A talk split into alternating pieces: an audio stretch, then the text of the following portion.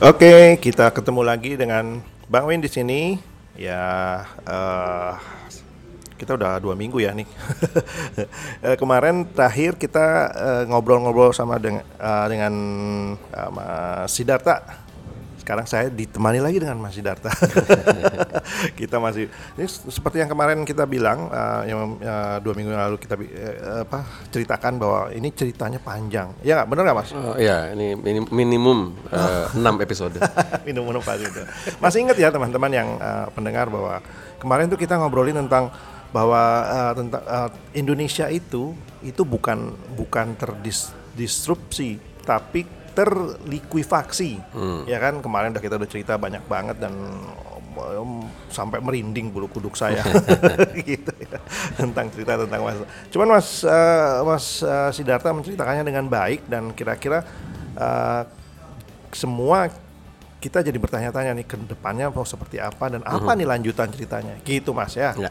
kira-kira apa yang kita mau ngomongin hari ini? Ya, jadi waktu dua minggu lalu kan kita sudah membahas bahwa eh, ada lima eh, penanda yang harus kita perhatikan ya. perhatikan ya betul Eh, kenapa kemudian saya menyebutnya bukan cuma sekedar terdisrupsi tetapi terlikuifaksi. Hmm, betul Lima penanda itu kita bisa lihat di sisi demografi. Yang saya bilang nanti kita akan bahas lagi. Kemudian yang kedua dari sisi ekonomi, ya ya, spesifiknya mungkin bicara mengenai pendapatan per kapita dan kelas menengah. Kemudian yang ketiga dari sosial budaya. ya Ini sebenarnya terkait juga dengan yang dua di atas. oke Kemudian yang keempat terkait dengan eh, politik dan hukum ya, kebijakan-kebijakan pemerintah. betul betul Eh, dan keempat itu nanti akan terkait dengan pasar ya, artinya eh, ini terutama untuk para pebisnis. Tapi sebenarnya nggak juga sih buat kita sebagai konsumen, pemerhati gitu ya. Karena cepat atau lambat lima hal itu tadi yang kemudian akan mempengaruhi kehidupan kita Ya, sehari-hari. persis persis Nah, rencananya hari ini saya mau bahas atau kita mau diskusikan yang nomor satu dulu deh. boleh boleh Itu mungkin pembahasannya bisa lima episode juga tuh. seru seru oke oke oke ya. gimana mas Ya, silakan jadi dimulai. kalau kalau uh, bicara demografi ini kan saya apakah sadar nih semua kita ya bahwa hari ini jumlah populasi kita kan 265 juta orang. ya Persisnya nih per Januari kemarin 265,4 juta orang. oke Mhm.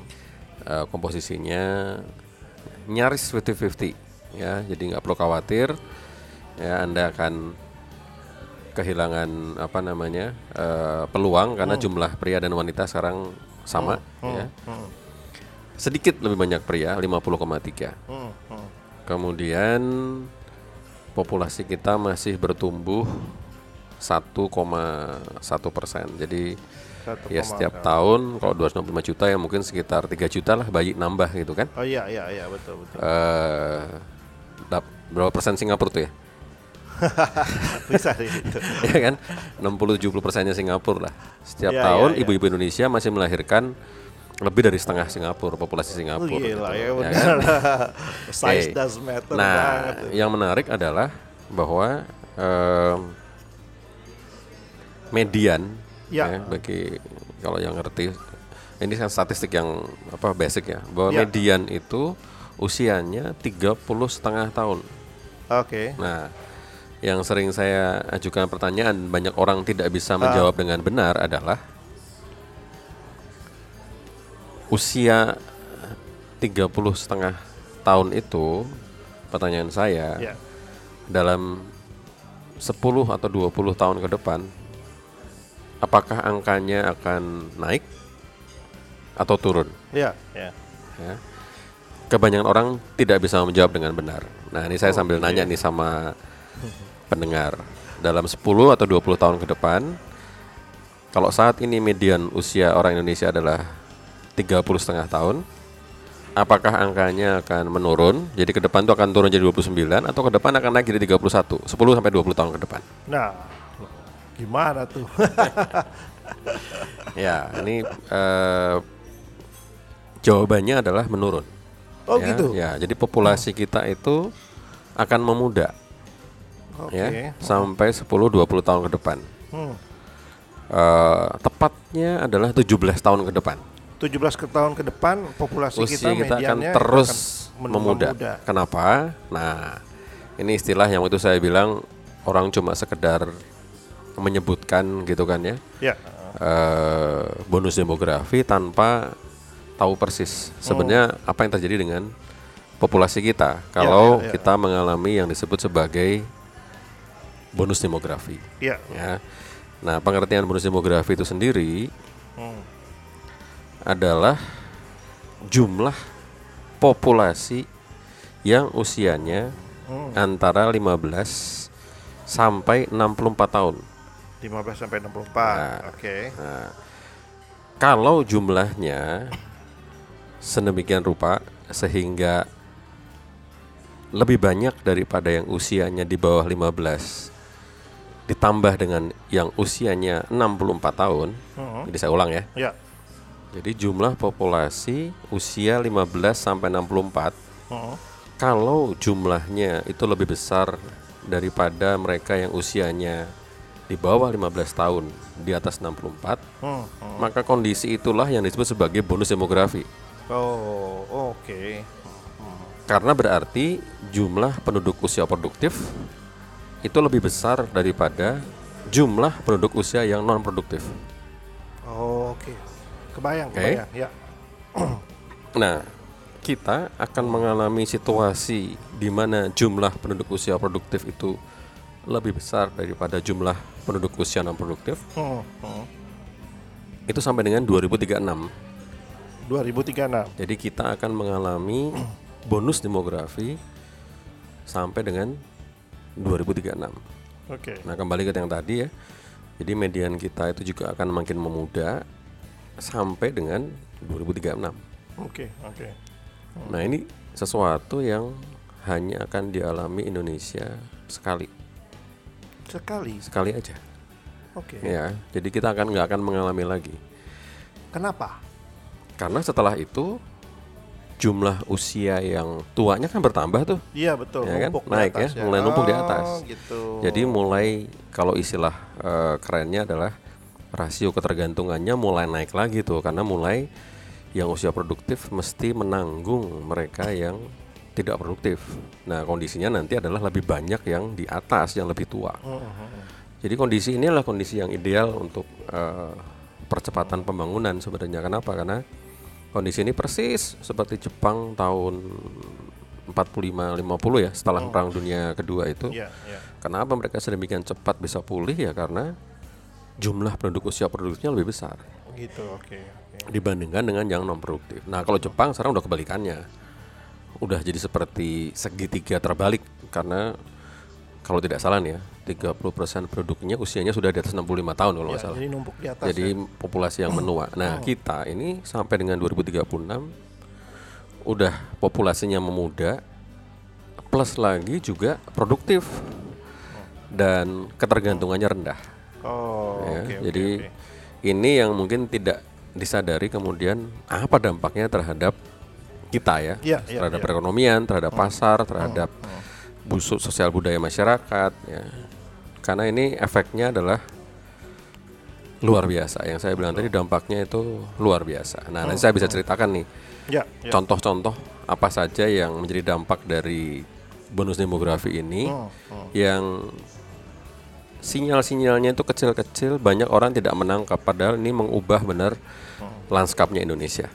Oke, oke, menarik ya. Jadi, em, ya tadi pas Mas Siddhartha menceritakan hal itu, jadi saya kebayang itu Mhm. bahwa mungkin pada satu titik itu memang percepatannya sangat cep, apa percepatan Tinggi. eh, tinggi ya, Iya. pembangunan apa segala macam. Ya. Catch up-nya tuh lebih, Ya. Ya. apa lebih ya, ya, ting- cepat lah ya. Oke. Sampai- Nah, ini yang mesti disadari juga bahwa situasinya saking besarnya Indonesia Hmm, hmm. Itu berbeda antara satu negara dengan eh satu provinsi dengan provinsi yang lain. Oh gitu. ya. Eh, tapi mungkin sebelum itu ya, saya saya cuma mau mengatakan bahwa situasi ini tuh nggak dialami negara lain. Itu yang waktu di episode yang lalu saya bilang bahwa kita harus menemukan jalan sendiri gitu ya.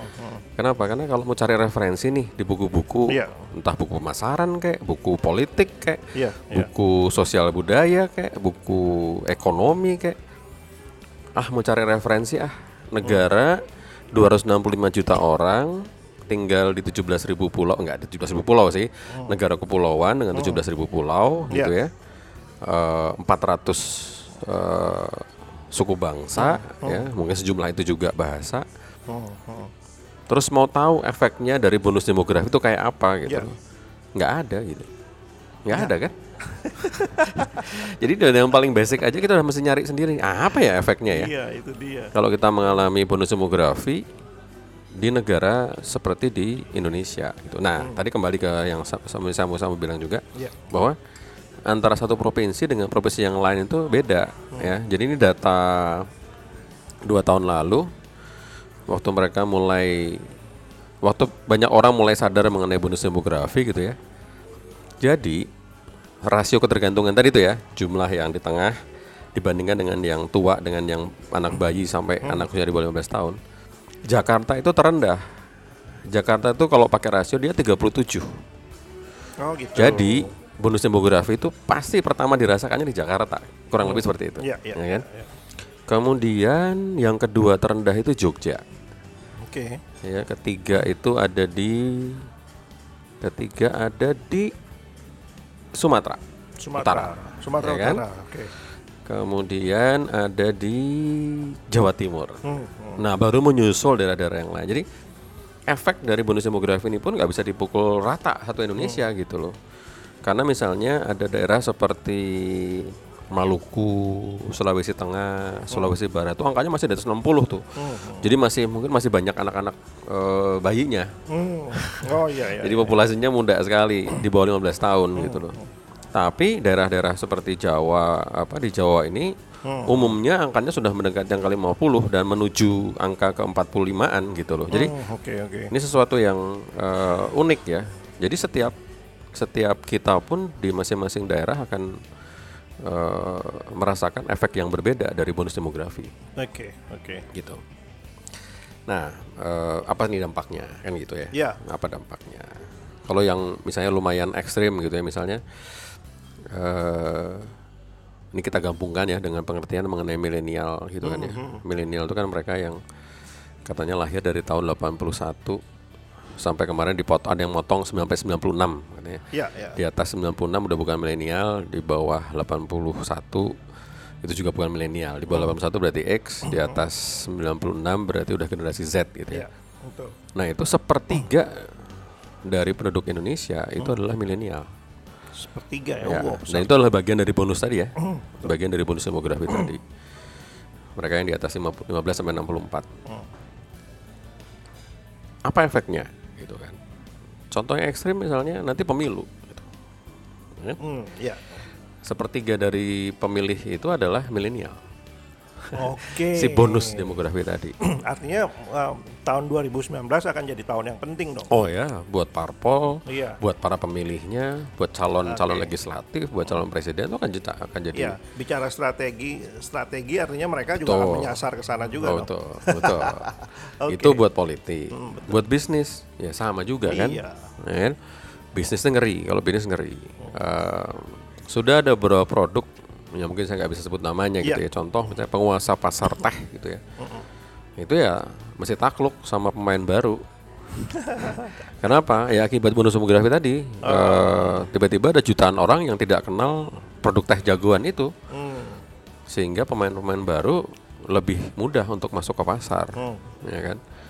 Itu terjadi di pasar teh, di pasar kosmetik juga sama. sama gitu. Pemain-pemain eh, kosmetik lama itu dikalahkan oleh pemain baru yang jauh lebih Oke. populer di kalangan milenial atau bonus demografi tadi gitu loh.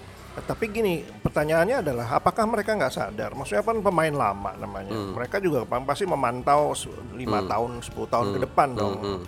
Terus kalau Mas uh, Siddhartha dengan tadi dengan gamblangnya bisa membaca situasi Hmm. pasar, mestinya sih mereka juga bisa melihat dong.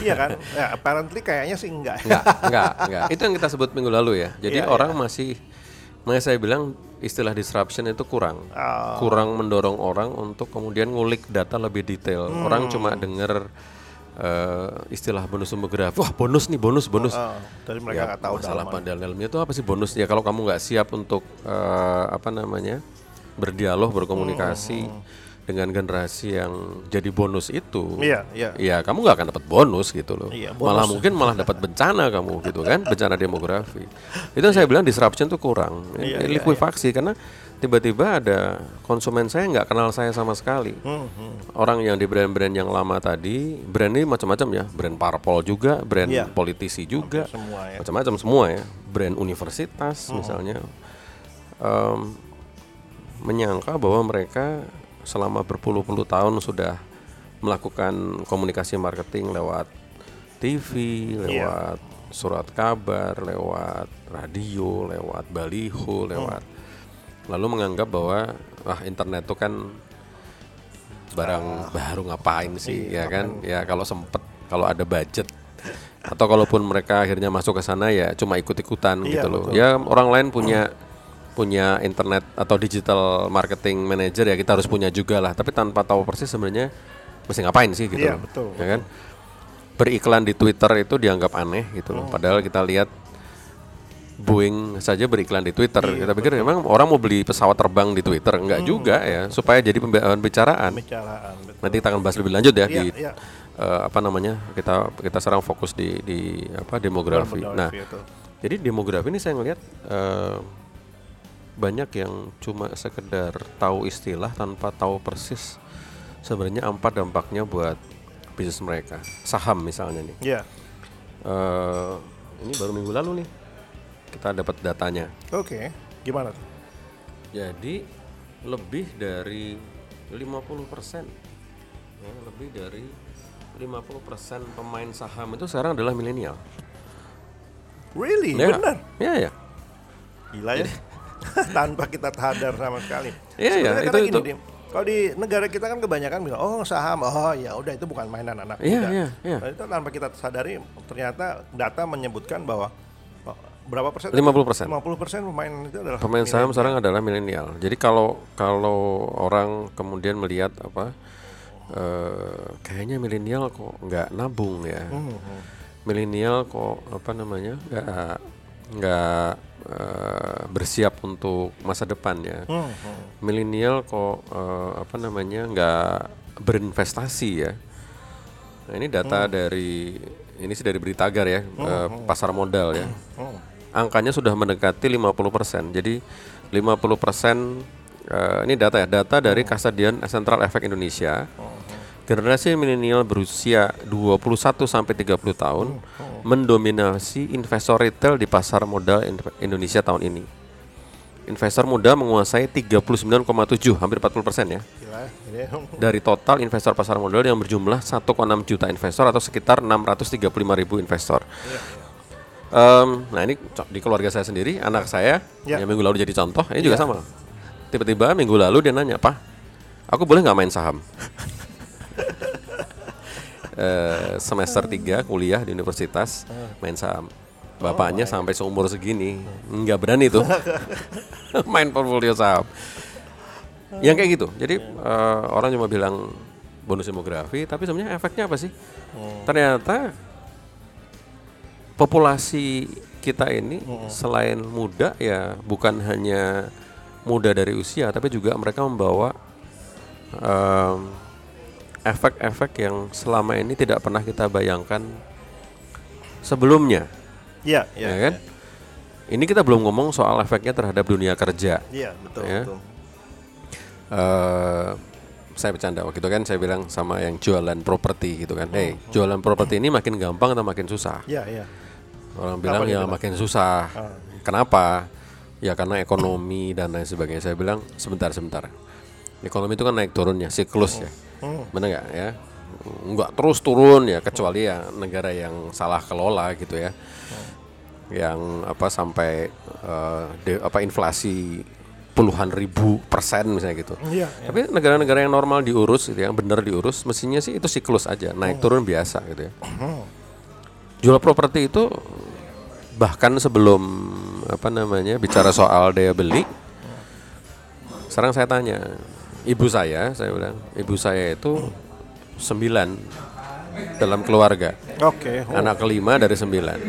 sembilan orang. ah. Saya sendiri anak pertama dari lima, ya kan? Anak saya cuma dua, adik-adik saya anaknya satu satu satu. Oke. Pertanyaan saya, kalau anda anak tunggal dari sebuah keluarga, masihkah ada faktor uh, push yang besar ya, daya dorong yang besar untuk anda membeli rumah? Iya. Begitu disampaikan itu biasanya orang langsung diam. Oh iya ya, benar juga ya. Kalau anak satu dari sembilan, mereka tahu bahwa mereka nggak mungkin beranak pinak di rumah itu. Iya, betul. Mereka harus beli rumah. Kalau anda anak pertama dari lima, sama juga Anda mungkin akan berpikir saya harus beli rumah karena nggak mungkin saya berkeluarga tinggal di rumah yang sama itu yang kecil itu. Tapi kalau anak tunggal, Iya. kenapa harus beli rumah kan gitu? Iya, benar. Jadi faktor pushnya kurang. Dampaknya apa sih? Bukannya bukannya nggak bisa jual rumah, tapi yang jual rumah ini sekarang harus pikir lebih keras lagi karena tiba-tiba kan tadi saya bilang ini bukan disruption loh. Iya. Ini likuifaksi, pasarnya berubah benar-benar. Dia kalau nggak diuping-imingin atau di di edukasi harus beli rumah ya dia nggak akan beli rumah gitu loh ngapain gitu loh Mereka nggak ngerasa urgensinya cukup. Betul. Untuk untuk untuk ngapain? urgensinya betul betul Iya kan? nah ini belum nanti diamplifikasi lagi oleh perubahan-perubahan teknologi misalnya betul, maka generasi muda ini kalau ada yang pernah bilang kan generasi milenial ini adalah generasi digital natives Oh, betul. Eh, mereka yang sudah dari muda kecil anak-anak sudah mulai bergaul dengan teknologi sementara generasi yang lebih tua disebut sebagai digital migrants kan yang dang-kadang. Kalau ada waktu kalau sempat teknologi mereka 24 jam mungkin sudah bergaul dengan teknologi ngerjain PR pakai teknologi. Iya, betul. sekolah kalau kita dulu nunggu datang ke sekolah baru bisa ngobrol sama gurunya nanya-nanya kalau sekarang mereka bisa WA-an sama gurunya Iya, gitu betul, 24 jam kalau perlu gitu ya. Ini efeknya akan luar biasa pasti kan gitu. Betul, betul. jadi amplifikasi dari eh, demografi ini nanti begitu ketemu dengan daya beli ya dari sisi ekonomi ketemu dengan pasar yang menyajikan produk-produk baru, ketemu dengan teknologi yang membuat akses mereka terhadap informasi itu luar biasa gitu ya. Ditunjang dengan perekonomian negara yang cenderung stabil, Iya, Anda bisa bayangkan dong. betul. Kebayang sih, maksudnya jadi jadi leb- kita tahu kita mau ke arahnya ke mana. Iya, ya, ini ini yang saya lihat nggak nggak di nggak disadari atau difahami gitu loh.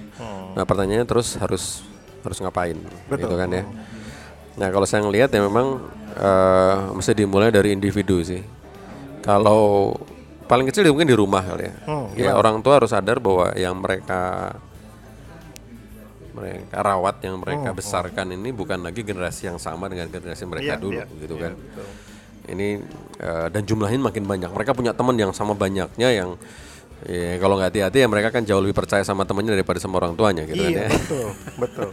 Dan itu yang memang paling paling apa Ya. eh, challenging ya. ya ya orang tua aja nggak bisa lagi merefleksikan dirinya ke dirinya pada waktu mereka masih seumur anak-anaknya sekarang si milenial ini by the way milenial yang paling tua sekarang umurnya udah 38 tahun loh. Jadi jangan menganggap bahwa milenial itu adalah anak-anak SMA no, no malah bukan anak SMA gitu kan.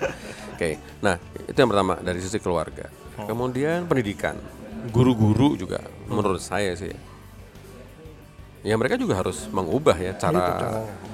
cara mengajar dan mendidik juga ya. Artinya karena demografi yang ditemui ini akan berbeda ya. Kalau dulu mungkin mereka melihat guru itu sebagai apa ya panutan gitu Iya, ya. iya. Kalau sekarang misalnya gurunya kemudian tidak kenal teknologi, tidak punya informasi yang up to date dan lain sebagainya, mungkin mereka akan ya, melihat mereka bukan sebagai panutan satu-satunya gitu Iya, kan betul. dari sisi pendidikan dari sisi misalnya em, lembaga pendidikan naik lebih tinggi misalnya universitas sama juga eh, generasi yang sekarang ini dengan akses informasi yang luar biasa juga mereka mungkin tidak membayangkan kerja di satu perusahaan. Oh, oh. Mungkin lulusan mereka malah lebih dari 50% berharap jadi entrepreneur ya. Gitu ya. Jadi kalau kalau universitasnya tidak atau perguruan tingginya tidak menyediakan eh, mata pelaj- mata kuliah mata kuliah yang menyiapkan mereka untuk mungkin orang juga nggak tertarik untuk masuk ke sana gitu loh. Iya Jadi betul betul. eh, dari sisi perguruan tinggi. Dunia kerja. Dunia kerja menurut saya yang paling harus hati-hati. Kalau dulu sudah ada istilah talent war gitu Iya ya, iya. berebut talent, ke depan akan lebih kejam lagi gitu Hmm. loh. Kenapa? Kalau dulu talent war memperebutkan 100 orang. Hmm. Ya, katakanlah 100 orang masuk dunia kerja, maka 100 orang itu mau masuk kerja di perusahaan. Hmm. Sekarang dari 100 tadi mungkin hanya 50 saja yang masuk dunia kerja, yang 50 lebih memilih untuk punya bisnis sendiri. Iya. Artinya talent war itu akan makin makin gila gitu loh, makin gitu ya. Iya. betul. Udah masuk pun udah masuk nih. Mempertahankan mereka juga Iya betul. makin sulit. Iya. Karena modus operandi mereka pada waktu bekerja itu pun juga berbeda. Ini saya ada satu di satu perusahaan, saya juga bisa sebut namanya. Iya iya. Kebetulan saya diminta untuk menjadi apa coach ya untuk direct report dari CEO-nya. Ya, Nah, ya, ya. waktu mereka presentasi, CEO-nya bilang sama saya, Pak, tadi pagi eh, MD itu mengutus orang ketemu sama saya. Ini CEO yang cerita. Iya. Kira-kira mereka minta apa coba? Waduh, MT kemudian mau menghadap CEO, minta apa ya? Minta naik gaji, minta di segera diluluskan jadi MT, Anda minta apa ya gitu? Tahu nggak? Mereka minta supaya MT dilibatkan dalam meeting BOD. Duh. Kejadian loh. Ini perusahaan lokal. Oh, no, no, perusahaan multinasional, tapi yang beroperasi di Indonesia. Iya. Edan ya. Ya, jadi eh, generasi baru ini, milenial ini, bonus demografi ini juga ini bukan bukan konsumen, bukan bukan populasi yang biasa, tapi benar-benar generasi yang berbeda dari sebelumnya. Dan itu harus sepenuh-penuhnya disadari. Ya ya ya. Kembali lagi soal dunia kerja, orang sekarang mengeluh, em, oh milenial itu kerja cuma dua tahun mau pindah, tiga tahun mau pindah. Setelah beberapa tahun ya mempelajari tren ini, saya bilang sama teman-teman di Human Capital kan, Ya ya. sudahlah hentikan semua keluh kesah itu. Percuma itu nggak akan berubah, akan makin parah karena jumlahnya makin banyak. saya bilang, yang mesti diubah adalah cara menyikapinya, Iya, gitu betul. kan. Kalau ma- situasi udah berubah, likuifaksi tadi, kemudian kita masih berusaha mendirikan rumah di sana, Nggak susah. ya jangan ya jangan harap rumahmu akan berdiri tegak gitu kan. Betul betul. Contoh misalnya saya bilang sebagai human capital, Ya. kalau tahu bahwa milenial itu kerja di sana dua tahun gitu ya, ya mereka pada waktu si milenial itu masuk kerja, jangan lagi bersikap seperti waktu generasi X masuk kerja. Oke, kamu tiga bulan masa percobaan ya? Enggak, saya bilang. Kamu harus melihat orang itu dan bilang bahwa 730 hari lagi orang ini ada kemungkinan keluar nih. Iya. Tapi itu emang kejadian sih. Iya kan? Saya nggak cuman ini ya, saya juga pernah itu beberapa kali waktu uh, ketemu sama perusahaan, uh, mereka mengeluh dengan hal yang sama, Iya. ya, menyikapi. Saya bilang saya bilang sama mereka bahwa kalau kalau saya lihat apa namanya ceritanya, ini kayaknya anak milenial. Iya bener pak, katanya gitu. gitu. Iya mas, ya, ya akhirnya saya, saya saya akhirnya kembali menyadari bahwa memang mereka punya pola yang berbeda. Pola yang berbeda, tapi cara menyikapinya itu masih dengan yang saya bilang kemarin, Iya, hanya betul. sebatas hope and pray, berharap dan berdoa. Semoga milenial itu sadar ya buat tempat kerja itu. Enggak, enggak bisa Nggak gitu. loh. Mereka bisa. tuh memang begitu. dan dan uh, makin lama kita tidak berubah, tiba-tiba kita udah dikelilingi oleh Oh, semua iya, orang iya. itu gitu loh. Jadi Iya, ya iya. yang tadinya kita mayoriti jadi jadi kita jadi tiba-tiba jadi minority. Ya, ya, ya. Saya deng- baca kan misalnya kayak Ernst Young, Google, apalagi ya. Mereka sudah menghapus syarat ijazah. Oh iya. Ya. Wow. Jadi mereka tidak melihat bahwa ijazah itu bukan tidak penting ya, Iya, tapi tidak menggambarkan bahwa dengan ijazahnya makin tinggi nih S2 misalnya gitu atau MBA gitu. Kemudian kontribusinya terhadap perusahaan itu akan makin besar enggak gitu? Nah kalau memang ternyata antara ijazah satu dengan yang lain yang lebih rendah dengan yang lebih tinggi nggak membedakan kalau harus pakai nerima dengan ijazah Iya, mungkin betul. mereka lebih memilih yang melamar itu punya kualifikasi tertentu Hmm. yang dibuktikan dari proyek dan lain-lain gitu. Ya, ya, ya. Jadi memang dari sisi dari sisi apa eh, pemberi lapangan kerja menurut saya ini yang dampaknya luar biasa, biasa, ya. luar biasa. Oke. Nah ini belum bicara nanti soal pemerintah, artinya pemerintah ya harus siap juga dengan program-program yang memang bisa bukan hanya mengakomodasi ya, tapi bisa mengakselerasi supaya generasi ini benar-benar jadi bonus ya. Hmm. Dimulai dari awal tentu, dari kesehatannya, pendidikannya, lapangan kerjanya, kemudahan membuka bisnis ya. Kalau tahu bahwa setengah dari mereka udah memang nggak mau kerja pengen buka bisnis harus dipermudah dong. Iya, betul, Kalau betul. ekonomi negara mau bergerak ya harus difasilitasi, harus di dimulai dengan keberpihakan gitu. ya. Jadi Betul, bukan di cemooh, bukan di eh, apa namanya dianggap sebagai wabah gitu ya. Dan bahkan mungkin mereka sudah sebel disebut milenial kali ya, generasi milenial. udah deflated gitu, kayak meaningless. Milenial itu nggak dilihat sebagai malah cenderung ya, cenderung saya bilang agak ada tone negatif di sini.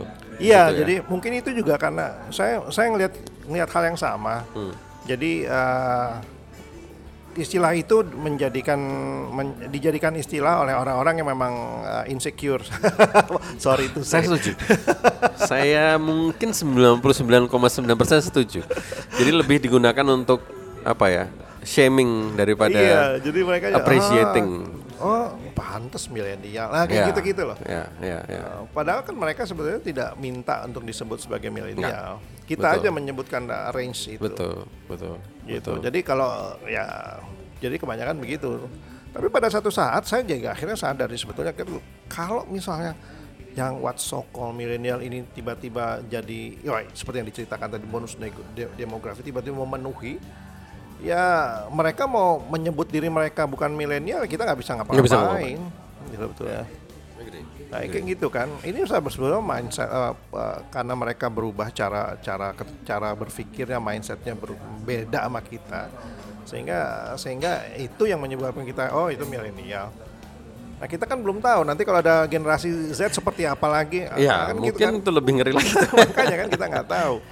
Ya kan mereka memang memang nah memang memang kita memang mesti ngerubah sih mindset Ya. mindset cara melihat bahwa sebetulnya itu bukan perubahan yang wajar. Oh, bayangin yang zaman dulu aja waktu zaman baby boomers pindah ke Ya, Gen ya, X ya. kan Gen X juga dicela-cela oh Gen Ya, X ya. nih gitu kan Betul, pemberontak semua kayak gitu kan kan istilahnya Gen X itu kan sempat di sempat di yang bagian ujungnya kan sempat dijuluki. Jadi mereka loyalitas itu bukan lagi pada mereka loyalnya pada profesi, bukan pada si pemberi Pada kerja pemberi gitu. kerja, iya. Nah, kalau sekarang mereka bahkan sudah bukan lagi loyal sama pemberi kerja gitu, iya. loyal pada diri sendiri Ben- mereka itu itu. benar, itu benar banget. Ya. Dulu saya ada cerita sedikit lucu. Jadi eh, eh, waktu itu ada salah, salah satu anak anak muda melamar ke satu sebuah kerja. Kebetulan istri saya yang yang, yang, eh, nyari nyari talent tersebut. Kemudian em, anak ini masuk ke situ. Seminggu kemudian dia minta izin, minta izin untuk ada mau ada acara keluarga. Sehabis itu dia memberi, ngirim email untuk resign. Terus saya istri, istri saya tuh sebel gitu, nggak sopan gini, gini biasalah gitu ya. Kemudian eh, kemudian saya bilang, saya bilang saya tanya sama dia "Eh, umur berapa? Gitu. Oh oke. Terus dia kelihatannya gimana? Eh, saya ingin tahu dong eh, eh, kam- kantormu tuh seperti apa? Ya ternyata memang kantornya suasananya memang ag- agak agak old school gitu. Jadi yang ya saya bilang gini, kalau milenial itu milenial itu bukan kayak kita. Kalau kita tuh kerja, aduh syukur dapat kerja, aduh ya. Milenial enggak, mereka ini pantas nggak? Ini saya bakal fit nggak di sini ya? Yap. Gitu dia pikirannya seperti itu. Betul, betul. Dan saya yakin anak saya juga nanti begitu, mungkin lebih parah lagi. Do you do you want me or not? Gitu kan attitude-nya. Probably ya kita mesti Ya. mempersiapkan kayak gitu. Saya lihatnya gini, kalau kalau ya ini mungkin di di apa di di wrap up-nya itu bahwa udah nggak bisa lagi ditawar Hmm. siap tidak siap mau tidak mau saat ini nih pada waktu generasi X juga masih banyak memegang tampuk pemuka Iya. Ini saya sila pakai istilah pemuka ya orang tua par ketua parpol eh, rektor eh, eh, CEO direktur itu isinya masih banyak X kan gitu. Iya, iya, iya. Sementara pekerja-pekerjanya, anak-anaknya, mahasiswanya, audiensnya itu isinya adalah milenial. Jadi yang namanya generation class itu pasti terjadi. Terjadi, pasti betul. terjadi gitu loh. Iya, benar. Saya ambil contoh kalau ngomongin di di Hmm. parpol ya, par- ini kan ada salah satu parpol saya juga nggak nyebutin Hmm. parpolnya apa. Itu yang yang memang nuansa anak mudanya kental sekali. Hmm. Dan itu juga kan membuat sebanyak parpol lain takut sebetulnya. Karena Iya, iya, iya. waktu saya lihat cara mereka mendekati, cara mereka membawakan diri, oh ini kok mewakili eh, generasi generasi muda banget gitu loh. Ya. Orang juga akan ngeliat, aduh gua lama gua selama ini di di parpol ini Tidak kayaknya terwakili. gua, eh, kayaknya lebih cocok di situ deh kayak gitu. Ya itu kan bayangkan itu terjadi bukan hanya pada parpol kan, benar. pada brand, pada universitas, Iya, betul. pada banyak institusi yang lain gitu loh. Sama kondisi kantor juga begitu mas, Iya. yang tadi saya bilang. Jadi saya saya balik lagi ke tadi kayaknya sih kalau sebuah kantor ingin uh, uh, uh, ini ad- uh, adapt untuk uh, mempersiapkan uh, gu- apa golongan atau generasi baru ini, ya mereka harus mempersiapkan dengan dengan kondisi kantor yang siap dengan mereka. Waktu Ya. itu saya ingat banget saya uh, saya kerja di satu perusahaan yang memang di memang memang memang di bukan uh, di apa dipersiapkan untuk anak milenial tersebut. Itu benar-benar beda dengan dengan jadi uh, tempatnya dis- dibikin sangat playful dan itu sangat berbeda dengan dengan uh, kondisi kantor-kantor yang Ya. ada da- da- dari golongan kita kan kalau tempat kerja ya kerja lo kalau main di luar gitu kan gitu kan kalau ini digabung Eh, gitu. saya saya ngelihatnya adaptasinya memang mungkin berbeda-beda. Mm-hmm. Setiap keluarga, institusi gitu kan ya, itu adaptasinya akan berbeda. Ya. Yang paling ekstrim Mm. Ada suatu perusahaan tuh yang memang sampai karena dia tahu atau dia sadar di tempatnya nggak mungkin tuh ngeblend secepat itu, Mm-hmm. ya akhirnya dia membuat produk khusus untuk anak muda Mm. dengan tim yang berbeda, dengan organisasi yang berbeda. Meskipun kerja di gedung yang sama gitu. Ah, oke Jadi kalau pas jam istirahat tuh kelihatan banget gitu ya. Keluar dari sana tuh mana yang X-nya, mana yang iya betul, betul. itu yang paling ekstrim gitu. Iya, loh. iya. Jadi terpaksa mereka harus harus itu memisahkan di antara dua ini. Tapi mungkin di organisasi yang lain nggak bisa seperti itu. Iya, betul. Tidak ada kemewahan untuk melakukan itu. Di keluarga mungkin nggak mungkin dong dipisahin gitu Iya, kan ya. betul. Bapak sama anak yang memang udah berbeda generasi nggak mungkin dipisahin dong. Dalam sekolah mungkin nggak bisa dipisahin. Nah, tinggal sekarang adalah kemampuan kita untuk beradaptasi. Iya, itu yang balik lagi di challenge gitu. Betul, betul. Menarik, sih menarik ya. Oke. Nah, kita kayaknya sudah mulai banyak Hmm. apa kebayang nih. Seperti apa sih uh, Ya. dan do- bon- bonus demografi ini bukan sesuatu yang bukan sesuatu yang harus disembunyikan, tapi mus- justru mesti difahami benar-benar. Kenapa? Karena kita kalau sedemikian kita paham jauh kita paham itu jadinya kita juga bisa lebih mempersiapkan kan gitu kan sebetulnya. Betul, betul. Dan langsung beradaptasi malah mungkin. Itu tuh akan lebih bagus sebetulnya. Ya. iya. Nah, jadi bagi teman-teman pendengar podcast kita kali ini kita mesti lihat, mesti tahu tadi. Coba tadi disimak, scroll down, eh nggak bisa scroll down ya kalau podcast ya. Kalau kita dengar dari awal tadi uh, Mas Siddhartha udah cerita tentang uh, ciri-cirinya sedikit, kemudian uh, angkanya berapa banyak yang nah, itu harus disikapi dan dengan dengan data tersebut kita bisa mempersiapkan sebetulnya yang yang cocok seperti apa. Nggak, nggak ini sih sebetulnya saya nggak mau membuat bilang itu mudah. Cuman artinya kita sebaiknya membuka semua indera kita supaya kita bisa tahu. Nggak nggak bersikap sebagai apa ya Allah itu nanti aja. Dan masuk ke detail ya. Iya, dan masuk ke detail betul. Karena saya juga pernah punya masalah punya problem dengan orang-orang yang ignoran seperti itu, Mas. Maaf Iya. nih teman-teman podcast itu Mbak, saya ketemu banyak sekali orang yang ignoran yang saya bilang, "Eh, kamu siap-siap begini." Ah, nanti aja lah. Ya. Tiba-tiba tiba-tiba udah kelabakan kayak gitu. Karena bonusnya nggak seterusnya loh, balik lagi loh. Nah, itu bonusnya dia, itu, berhenti di 2036. Hmm. Nah, artinya setelah itu kalau kita tidak menyikapi itu, kita balik lagi kan Oh, kita yang rugi. Kita yang rugi, kita nggak bisa Bangsanya mendapatkan- rugi, perusahaannya rugi. Ya. keluarganya juga rugi Iya. gitu ya. Makanya- Jadi akan banyak hal yang dirugikan. Kayak itu memang memang hal-hal yang kita mesti perhatikan benar-benar. Gitu ya Mas? Ya. ya. Menarik Moga-moga sekali. bermanfaat. Menarik sekali ini apa pembahasan sekarang ini. Kita juga jadi sekarang sudah bisa lebih tahu tentang eh, bonus demografi tersebut dan dampaknya seperti apa dan apa yang kita mesti persiapkan untuk ke depannya. Oke, saya pikir ngobrol-ngobrol kita di Kamis siang ini kita sudahi dulu. Eh, nanti kita akan lanjutkan dengan topik-topik baru ya Mas ya. Siap. Masih ada empat lagi tuh kan? Nah. Tapi ini ini jadi eh, ini akan terus terus jalan dan eh, akan jadi sebuah paket eh, apa cerita yang sangat menarik. Moga-moga men-trigger ya. Wah, itu harus itu. Oke, terima kasih sekali Mas eh, Sidarta. Terima kasih Nanti kembali. kita akan ngobrol-ngobrol lagi, kita lanjutkan. Siap. Sampai ketemu lagi di dua minggu lagi di obrolan Kamis eh, siang bersama Mas Sidarta. Eh, sampai jumpa lagi, bye bye.